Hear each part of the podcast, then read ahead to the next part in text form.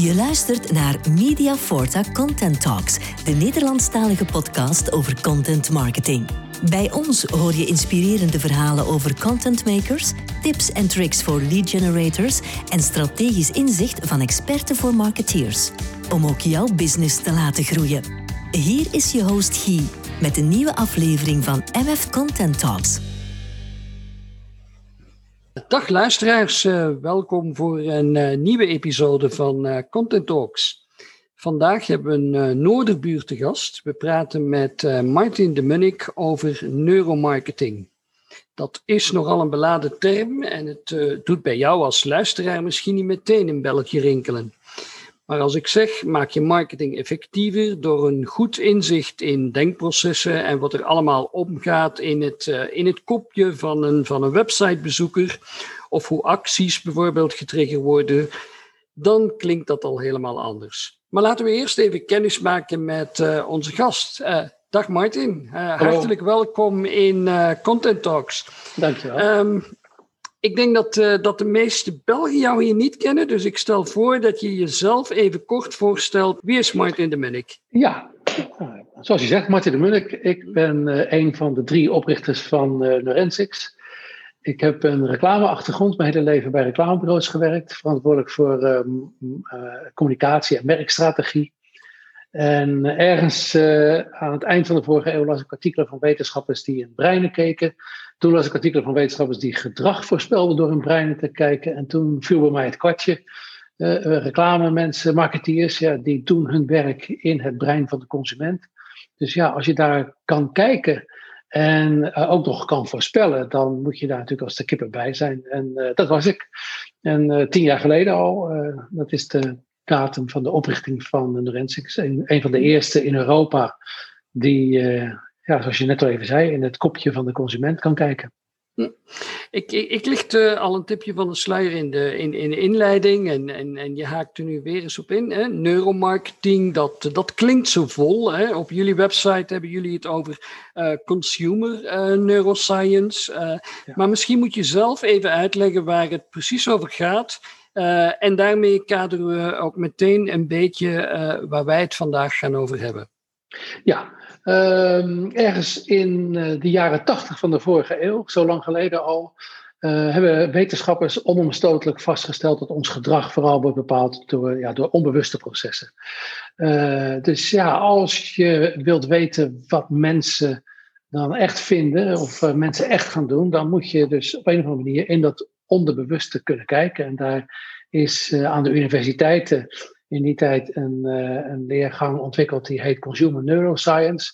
En uh, de vertaling daarvan in de praktijk wordt dan neuromarketing genoemd. Dat is natuurlijk een beetje, wat je zelf al zegt, een beetje beladen term. Allereerst is het een pleonasme. Marketing gebeurt in het brein, dus waarom zou je het ook nog breinmarketing noemen of neuromarketing?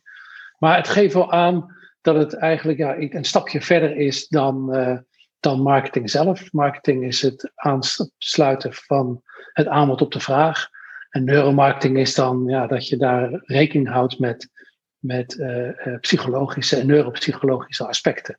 Hm, heb je, heb je mooi gekaderd. Uh, ja. Martin, je komt zelf uit de reclamewereld. Hè? Daar ben je gepokt en, uh, en gemazzeld. En, en op een gegeven moment beslis je om je te verdiepen in de wetenschap uh, en wat er in het menselijk uh, brein gaat, om dat vervolgens toe te passen op marketing en, en, en advertising. maar het is toch wel een, een rare sprong. Is het een passie? Nou, het is een passie geworden. Um, kijk, uh, wat jij zegt, gepokt en gemazeld, dat betekent ook dat je al een tijdje meeloopt. En dat klopt. Uh, ik uh, heb 20, 25 jaar in de reclame doorgebracht. Ehm, in reclame, ja, daar gaat heel veel fout. Zo'n zo'n 80% van alle productintroducties mislukt binnen twee jaar. Zo'n 70% van alle reclame heeft geen effect. Uh, en we wisten niet waardoor dat kwam. Uh, sommigen zeggen, ja, ze doen maar wat, dat is een beetje overdreven. Maar het is wel zo dat big data en de opkomst van big data steeds beter liet zien wat er goed en wat er fout gaat in de reclame. Maar altijd achteraf. dus je moet eerst iets maken om te kijken of het gebeurt. En ja, dat heeft mij wel aan denken gezet. En de derde recessie in mijn leven met de opkomst van, van, van big data deed mij beseffen dat, dat het belangrijk is dat je ja, return on investment, dat zijn de termen die uit Amerika kwamen overwaaien, van tevoren kunnen voorspellen wat je uitgeeft en wat het opbrengt. en dan moet je dat op een gegeven moment ook durven vertalen naar creativiteit, naar reclame in mijn geval. En ik heb altijd al bekend gestaan in Nederland als iemand die uh, vooral onder de streep keek. Hè. Reclame vind ik, je moet verkopen. Een, een, een, een, visie verkopen, verpakt in het merk. Of letterlijk producten verkopen. dus dat was voor mij eigenlijk dan wel een logische stap om dat ook naar, ja, te kunnen kwantificeren in reclame. En dat, en dat, dat doet eigenlijk neuromarketingonderzoek. Um, aansluitend op, uh, op wat je net zei, hè, de, de eerste initiatieven om te gaan kijken naar menselijke emoties en het gedrag uh, wat daaruit volgt, uh, dat stamt uit, uit de tijd van big advertising spenders en, en topbureaus. Maar het lijkt me dat net in onze huidige tijd, met, met, met consumenten die veel mondiger zijn geworden en die hun kunnen uiten op sociale media en tal van andere kanalen, het nog veel belangrijker geworden is om te achterhalen hoe die consument denkt en um, alles wat daar van invloed op is. Stel jij dat ook vast? Klopt mijn uh, manier van denken? Ja, die klopt zeker. Het is niet zozeer dat die consumenten mondiger zijn geworden, want Kijk, eh, als ons gedrag door onbewuste processen wordt uh, gestuurd, dan zijn we daar eigenlijk spectator van ons eigen gedrag. Hè. Uh, ik trap er, als, als ik er intrappen mag noemen, ik word ook beïnvloed door reclame, terwijl ik echt steeds beter weet hoe het werkt. ook ik neem af en toe net dat laatste glaasje te veel. Ook ik snoep net eventjes te veel chocola. ook ik doe te weinig aan sport. we, we nemen allemaal wel goede voornemens, maar uiteindelijk is het eh, eh, grotere eh, neurale systemen in, in, ons onbewuste oude brein die ons gedrag beïnvloeden. dus dat is niet zozeer het geval dat die consument ineens anders zou zijn. Wat wel het geval is, is dat media, wat je zegt, sociale media, we, hebben een, een, een, we zijn groepsdieren, dus we houden anderen heel erg in de gaten. We kopiëren gedrag. Maar met groepsmedia gaat dat sneller en makkelijker en wereldwijd. Eh, maar ook uh, verschillende kanalen, eh, wat je al even aanhaalt. Dat betekent dat het veel moeilijker wordt om, uh, om die consument te bereiken. jij en ik komen waarschijnlijk uit een tijd dat, dat België, wat was het, RTL 1, 2 en 3. Zo, en Nederland 1, 2 en 3. En nu heb je honderden kanalen tot je beschikking. Dus het wordt steeds moeilijker om iemand te bereiken. En daarmee ook steeds moeilijker om, om invloed uit te oefenen voor een door uh, adverteerders, marketeers en hun bureaus. Die neuromarketing uh, en dat brein, hè, je zei er net pleonasme, hè, maar die link tussen denken en, en, en marketing, uh, hoe werkt dat nu precies? Nou, kijk, op zijn mooist gezegd is marketing het afstemmen van de aanbod op de vraag. En dan moet je dus weten wat de vraag is en dan moet je onderzoek doen. op zijn lelijkst zou je kunnen zeggen, marketing is het verleiden van consumenten. Eh, maar zelfs dat, het verleiden van consumenten, ja, dat, dat uh, verleiding is van alle tijd. Uh, verleiding is niet alleen menselijk, verleiding zit in de natuur. Ik zeg het maar zo, je zal toch een powerstaart hebben. Je kan er niet mee wegrennen, je kan er niet mee vliegen. Het doet maar één keer per jaar zijn werk. Maar ja, dat heeft dus alles te maken met het, het kunnen verleiden van van, van, van een partner. En in uh, die verleiding, uh, ja, daar, daar uh, net al even geconstateerd, daar gaat veel fout in marketing. Dus het is van belang dat je ja, begrijpt hoe, de, hoe, hoe, de, hoe een consument denkt. En hoe dat denken verloopt. En nog veel dieper, hoe zo'n beslissingsvorming plaatsvindt. En dan natuurlijk andersom, hoe je, dat, hoe je dat kan tweaken, hoe je dat kan sturen, hoe je aan de knoppen kan draaien. Oké. Okay.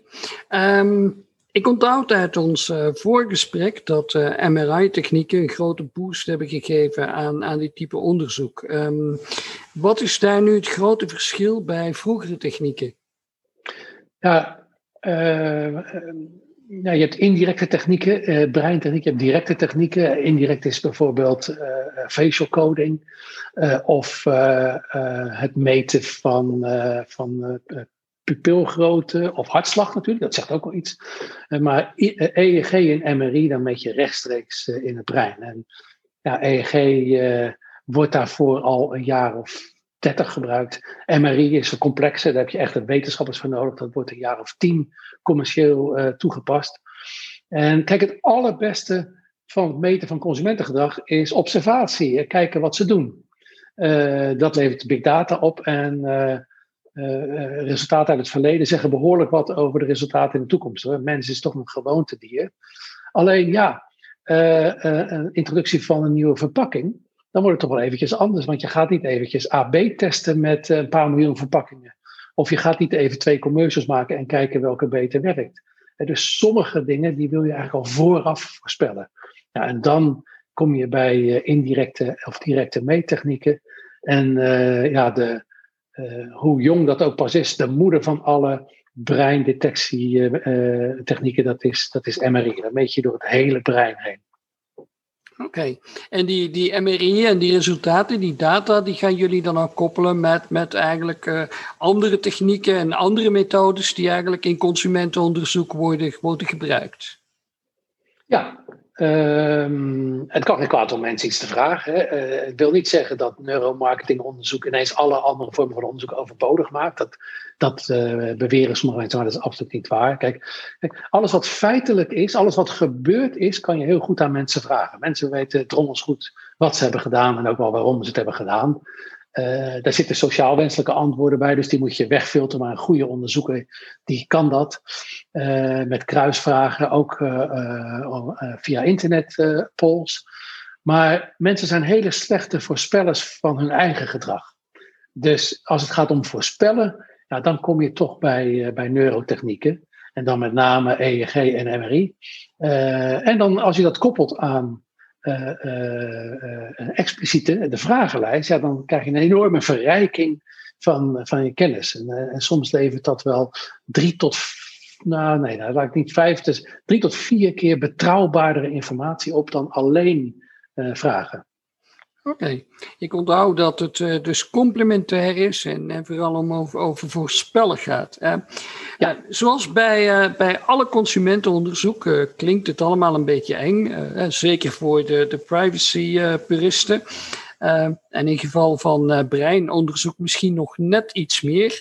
het onderbewuste, dat geven we niet graag prijs. hoe ga je daar dan deontologisch mee om? Of is het helemaal niet zo'n kies als het op het eerste zicht uh, soms lijkt. Nou ja, je raakt daar wel een belangrijk punt. Hè. Je kijkt in het meest private wat er is, hè, ons onderbewuste. In theorie kunnen wij dingen zien die mensen zelf nog geen eens van zichzelf weten.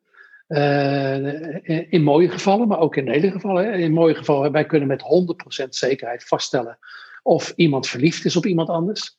Uh, en als je dan de ander ook in de scanner legt, dan kan je naar de wederkerigheid daarvan kijken. Uh, daar moeten we dan allemaal om lachen. Maar we kunnen ook in theorie vervelende dingen zien. Dus we moeten daar met elkaar uh, afspraken over maken. Ik ben ik ben ook uh, een van de twee oprichters van de NMSBA, Neuromarketing Science and Business Association. En een van de redenen om die op te willen richten is dat, er, ja, dat we een, een, ethical code, een ethische code hebben met elkaar.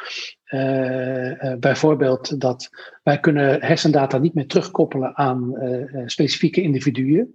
we zijn op zoek naar, naar, naar, naar het voorspellen van doelgroepgedrag en niet van één mens dus we weten niet wie er onder de scanner heeft gelegen, anders dan een nummertje om onze analyses te kunnen doen. We scannen geen kinderen. Uh, kinderen kopen niks, ouders kopen wat. dus waarom zou je daar iets van, van willen weten? En we werken niet voor de tabaksindustrie of producten waaraan je sneller overlijdt dan de bedoeling is. Maar dan begrijp je ook wel, dan kom je met bijvoorbeeld sterke drank alweer op een in een grijs gebied terecht. Hè? Dus ja, in, in theorie zegt onze professor, professor Lam, dat we zouden alles mogen onderzoeken wat ook legaal verkocht mag worden. Maar zelf zijn we daar toch ietsje strenger in. Ja, laten we het. Uh, dit, dit, mijn vorige vraag klonk misschien een beetje negatief en, en, je hebt ze wel uh, geturnd. Uh, maar laten we het even van, van een heel positieve kant bekijken. Zouden we kunnen stellen dat beter inzicht in hoe mensen denken en, en reageren toelaat om, om, om middelen in marketing beter te besteden. En dus de gigantische weest in, in, in, in, in marketing, uh, ja, in marketingbestedingen en nutteloze marketingbestedingen beter te benutten. Ja, nou daar, daar heb je eigenlijk, hier sla je de spijkers Dit is het, het allerbelangrijkste. Als 80% van de productintroducties mislukt, als er uh, 5 tot 700 miljard, dat weet men niet precies, per jaar dollars wordt verbrand aan reclame die niks doet. Niet positief, niet negatief. Uh, we, Denk je eens in wat dat zou kunnen betekenen als je dat, uh, die, waste halveert? Wat betekent dat voor de footprint van zo'n bedrijf? En wat betekent dat voor het niet verspillen van, van, van, van energie en grondstoffen? wat betekent het voor de winst, die winstgevendheid? En nou, het is niet aan ons om uh, te, te, bepalen waar die winstgevendheid heen gaat in de binnenzakken van de aandeelhouder, maar misschien ook wel in verlaging van de kostprijs of uh, versnelling van de, van, uh, de innovatie. in ieder geval, daar moet, daar moet het winst gezocht worden van, van het verbeteren van efficiëntie en effectiviteit. Mooi. Mooi. Uh, laten we het even concreet maken. Uh, wat zijn de takken in, in, in marketing- en reclamebusiness die baat hebben bij deze onderzoekstechnieken?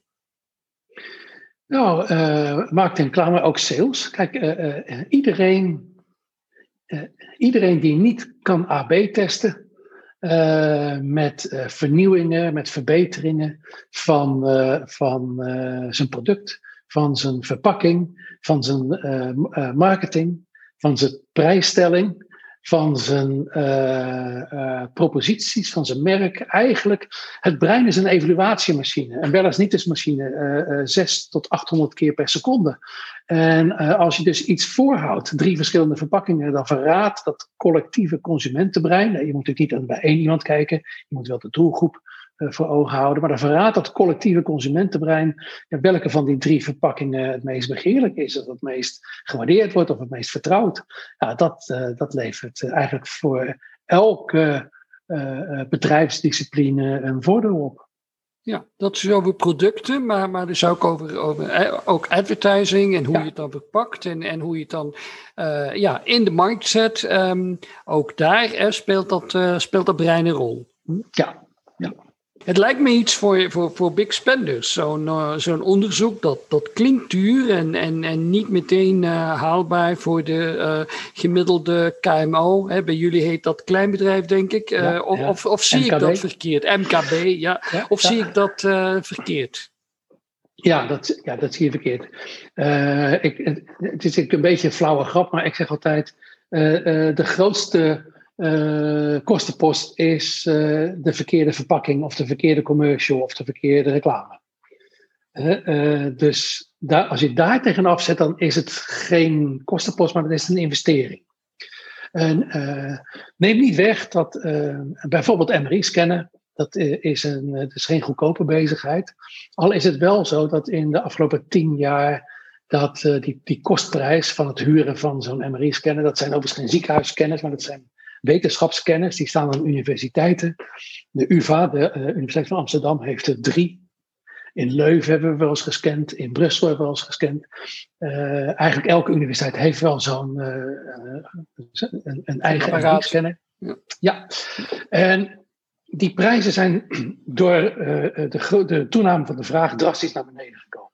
Dat is één. Het tweede, ook wij zijn een commercieel bedrijf, dus we moeten kijken naar de concurrent. De concurrent zijn de traditionele onderzoekers, uh, die met vragenlijsten en met focusgroups hun werk doen. Dus wij moeten ja, die prijs wel een beetje competitief houden. Dus je kan wel zeggen dat prijzen tegenwoordig van neurostudies uh, iets, nou, laat ik inschatten, 20 tot 30 procent duurder zijn dan traditionele studies. Oké, maar bij Neurensics doen jullie niet alleen het uh, onderzoek, maar jullie vertalen ook die inzichten uh, in concrete suggesties voor aanpassing van een uh, campagne of materiaal of product of verpakking. kan je dat misschien kort even illustreren aan de hand van een, van een begrijpelijke case? Ja, kijk, en, en, en, dat had ik misschien net ook moeten melden. Je, kan, uh, je, je, hoeft niet per se onderzoek te doen. Uh, je, er is heel, als, je, als je googelt neuromarketing en tips en tricks of, of consumer neuroscience en reclame, dan vind je heel veel, heel veel um, studies die eigenlijk ja, waar, je, waar je je learnings uit kan halen. ook bij ons op de site staan op de Academy 13, 13 insights die we hebben gekregen onderweg. Bijvoorbeeld dat elke, elke gedragswetenschapper weet dat wij elkaars gedrag kopiëren. En dat gedrag wordt ook gekopieerd doordat we elkaar aankijken. Als iemand begint te lachen, dan lachen we mee. Als iemand moet huilen, dan huilen we mee. Dus ja, je kan, dat, dat betekent dus dat je ook emoties kan opwekken die jij graag wil hebben. Door dat met acteurs bijvoorbeeld, als het gaat om films of, of fotografie, om, om, om dat te doen. Dus uh, uh, dat is heel praktisch voor. We hebben ook gezien, ons brein moet af en toe dingen opslaan. Hè? Net als een computer moet eventjes uh, iets verwerkt worden. En dat gebeurt dan vaak op momenten waarin er geen voordeel of geen gevaar is. Als geen voordeel en geen nadeel is. Dus bijvoorbeeld in een commercial waar uh, de deur even dicht gaat. Of in een overvloeier, dan is dat brein even weg. Uh, en dat kan soms wel enkele seconden zijn. anderhalf tot twee seconden. Ja, als dat net op het moment is wanneer jouw logo in beeld komt of dat zie ik wel vaak commercials met een hele leuke grap aan het eind. Dan is dat brein even die grap aan het verwerken. En dan komt het logo aan het eind in beeld. En zo kan het gebeuren dat we dan de volgende dag bij het koffiezetapparaat op de zaak allemaal grappen maken over die hele leuke commercial, maar niemand weet van wie die voor was. Welk, voor wie was of voor welk merk het was. Nou, dat, dat, is, dat is dus een fysiek probleem. Hè? Dat heeft niks te maken met dat dat, dat merk uh, niet bekend is. En het is een fysiek probleem. Het brein is even weg.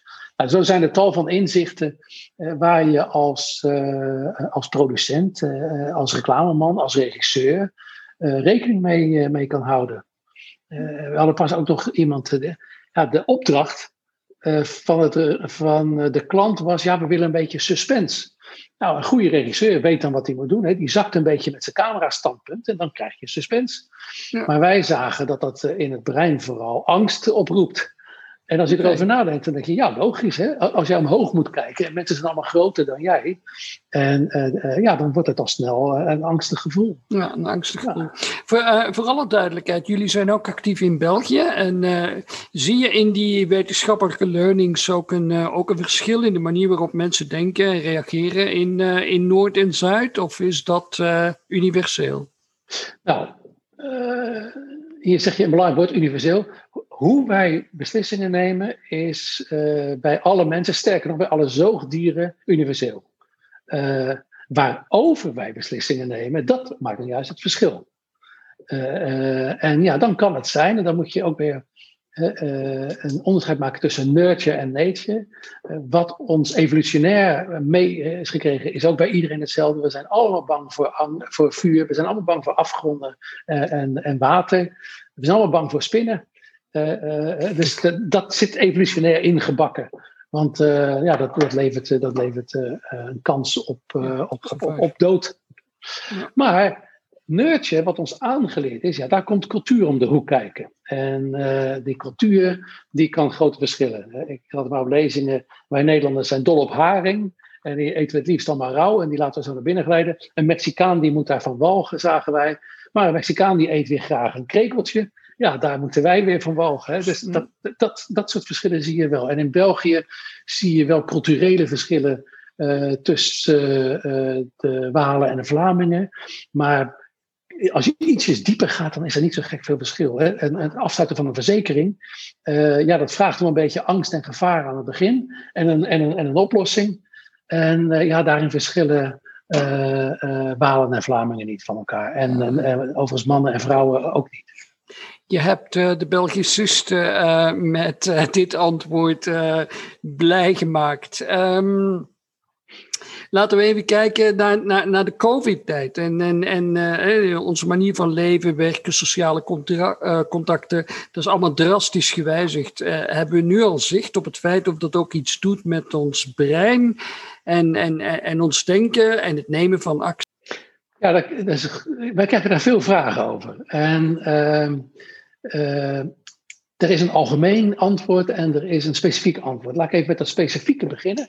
Uh, we hebben vlak voor uh, de corona-uitbraak een studie gedaan voor PepsiCo, waarin we keken naar de associaties bij, bij Pepsi. Nou, dan is dat natuurlijk frisdrank en het is gezellig en het is vriendschap en het is lekker. Maar er zit ook de negatieve associaties die eraan gekoppeld werden, was onder andere suiker en, en, en dik. Uh, grappig was dat wij, een van onze researchers die zeiden, laten we het onderzoek eens overdoen tijdens de eerste lockdown. dat hebben we gedaan.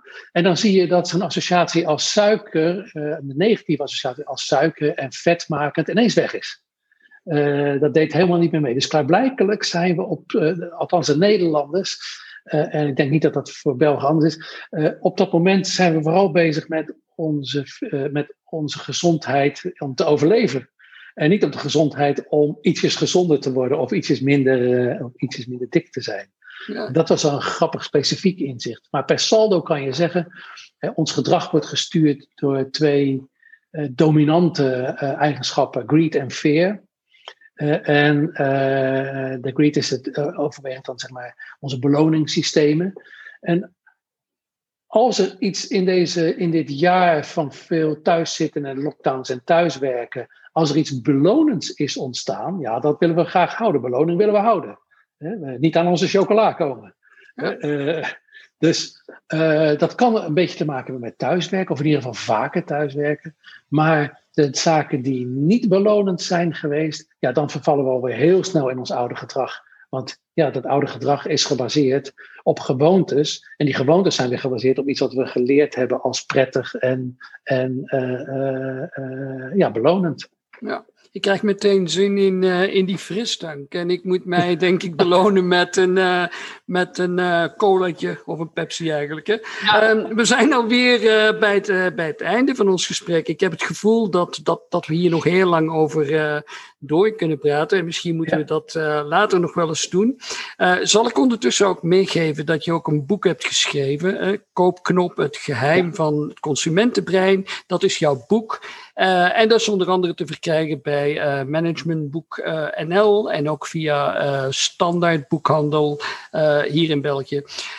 Dus beste luisteraars, willen jullie meer lezen over dit onderwerp en hoe je als ondernemer of marketeer meer voordeel haalt uit meer kennis over het beslissingsproces in het brein van je klanten, dan is dat boek misschien iets om jezelf cadeau te doen, om jezelf te belonen. Uh, uh, Martin, je mag ook altijd mailen of bellen hoor, want uh, wij, het is mijn taak bij Neurensix om neuromarketing en consumer neuroscience in zijn algemeenheid te verspreiden, de voordelen, mensen van de voordelen op te wijzen. Dus ik sta altijd open voor, voor vragen en, en het beantwoorden van het helpen met het eh, vinden van de antwoorden op vragen die marketeers hebben.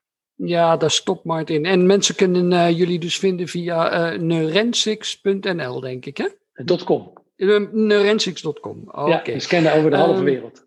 Goed. Uh, Martin, ik sluit uh, elk gesprek uh, telkens af met ultieme tip van onze spreker voor, voor ons publiek. En wat is jouw tip voor wat marketeers, verkopers, ondernemers die op dit moment naar ons luisteren, moeten doen in, in 2021? Het allerbelangrijkste is het besef dat ons onderbewuste ons gedrag bepaalt.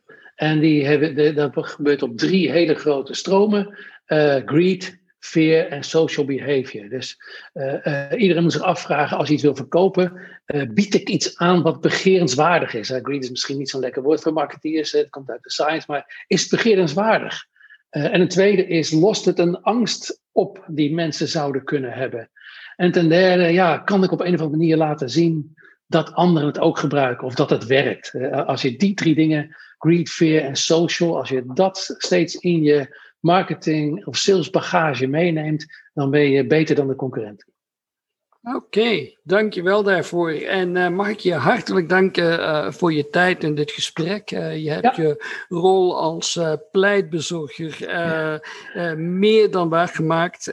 Um, en ik hoor ook dat je dat, dat, dat fijn vindt.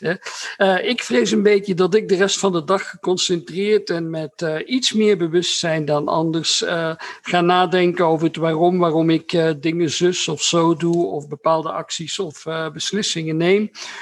Of waarom ik misschien met andere actie, net andere acties neem dan wat ik uh, denk of zeg. Uh, maar het is ja. boeiend in, uh, in elk geval.